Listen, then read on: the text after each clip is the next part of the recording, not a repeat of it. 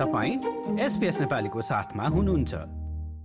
Cervical cancer भनिने महिलाहरूको पाठेघरको मुखको क्यान्सरबाट वर्षेनी करिब नौ सय महिलाहरू प्रभावित हुने गरेका छन्। ती नौ सय महिलामा पनि आप्रवासी र आदिवासी समुदायका महिलाहरू भने अन्यभन्दा बढी नै जोखिममा भएको देखिन्छ। यी समुदायका महिलाहरूमा चचाउन जान अप्ठ्यारो मान्ने हिचकिचाहट हुने र लाज मान्ने जस्ता समस्याहरूका कारण उचित समयमा रोगलाई पहिचान नभएर मृत्युको जोखिमलाई बढावा दिन्छ। तर आदिवासी समुदायबाट प्रतिनिधित्व गर्ने रजिस्टर नर्स एलिसन बर्नेस जस्ता केही स्वास्थ्य कर्मीहरूले सर्भिकल क्यान्सरको जोखिमका बारेमा समुदायलाई सचेत गराउन लागि परेका छन्।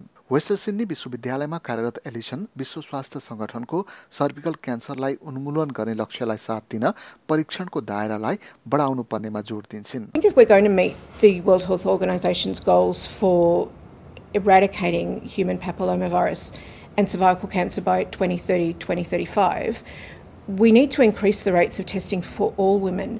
तर अब भने नयाँ आएको प्रविधि र एक नयाँ दृष्टिकोणले महिलाहरूलाई बिना हिचकिचाहट पाठेघर क्यान्सरका बारेमा परीक्षण गर्न सजिलो बनाउने भएको छ।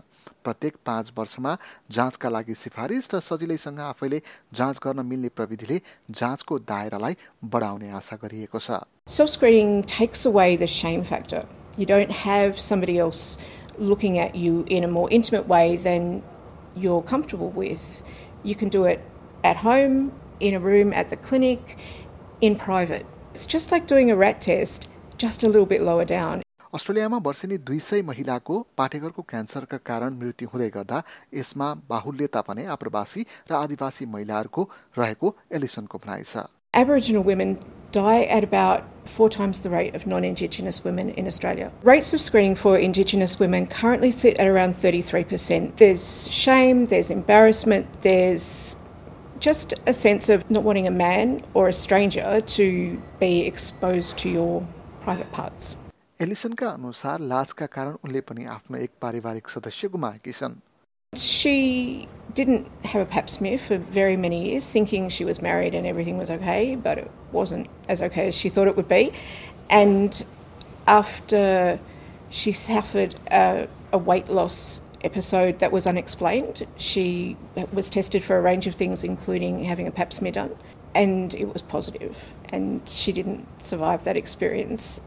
That makes me really angry because it is an entirely preventable death. There is no excuse for any of my sisters, cousins, aunties. There's no excuse.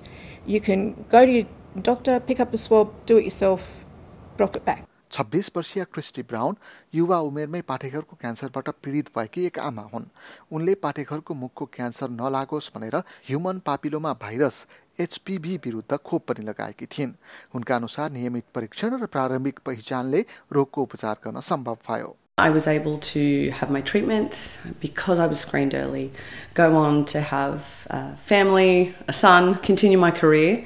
But it's that's all dependent on early screening, early intervention, and early treatment.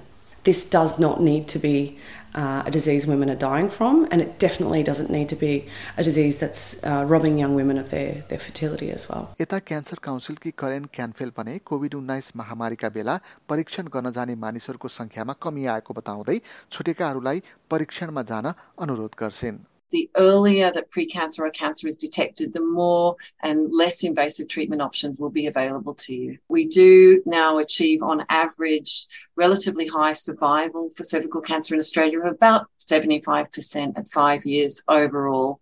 So that's obviously higher than some cancers. यद्यपि सन् उन्नाइस सय एकानब्बेमा राष्ट्रिय रूपमा पाठेघरको जाँच कार्यक्रम ल्याइएपछि भने सर्भिकल क्यान्सर हुने दरमा आधा कमी आएको छ। प्राध्यापक क्यानफेलका अनुसार अस्ट्रेलियाले पछिल्लो समय सर्भिकल क्यान्सरको उपचारमा विश्वमा अग्रणी भूमिका खेलिरहेको छ। It's actually the five year anniversary of the introduction of HPV based cervical screening in Australia. We were one of the first countries in the world to move to HPV based molecular testing for cervical screening. So that's really the state of the art technology for detecting any changes in the cervix. So we've really got, I think, one of the world's leading programs. It means that we'll reach a rate that is so low that it's considered to be very well controlled. In Australia, this could be done by 2035, which is an incredibly exciting prospect, and we would be the first country in the world to actually do this. तर समुदायमा यसका बारेमा जनचेतना जगाउनु भने निकै महत्त्वपूर्ण मानिन्छ। आदिवासी महिला ब्रुक टोरी पैँतिस वर्षकी भइन् तर लामो समय भइसक्दा पनि उनले पाठेघरको क्यान्सरका बारेमा जाँच भने गराएकी छैनन्।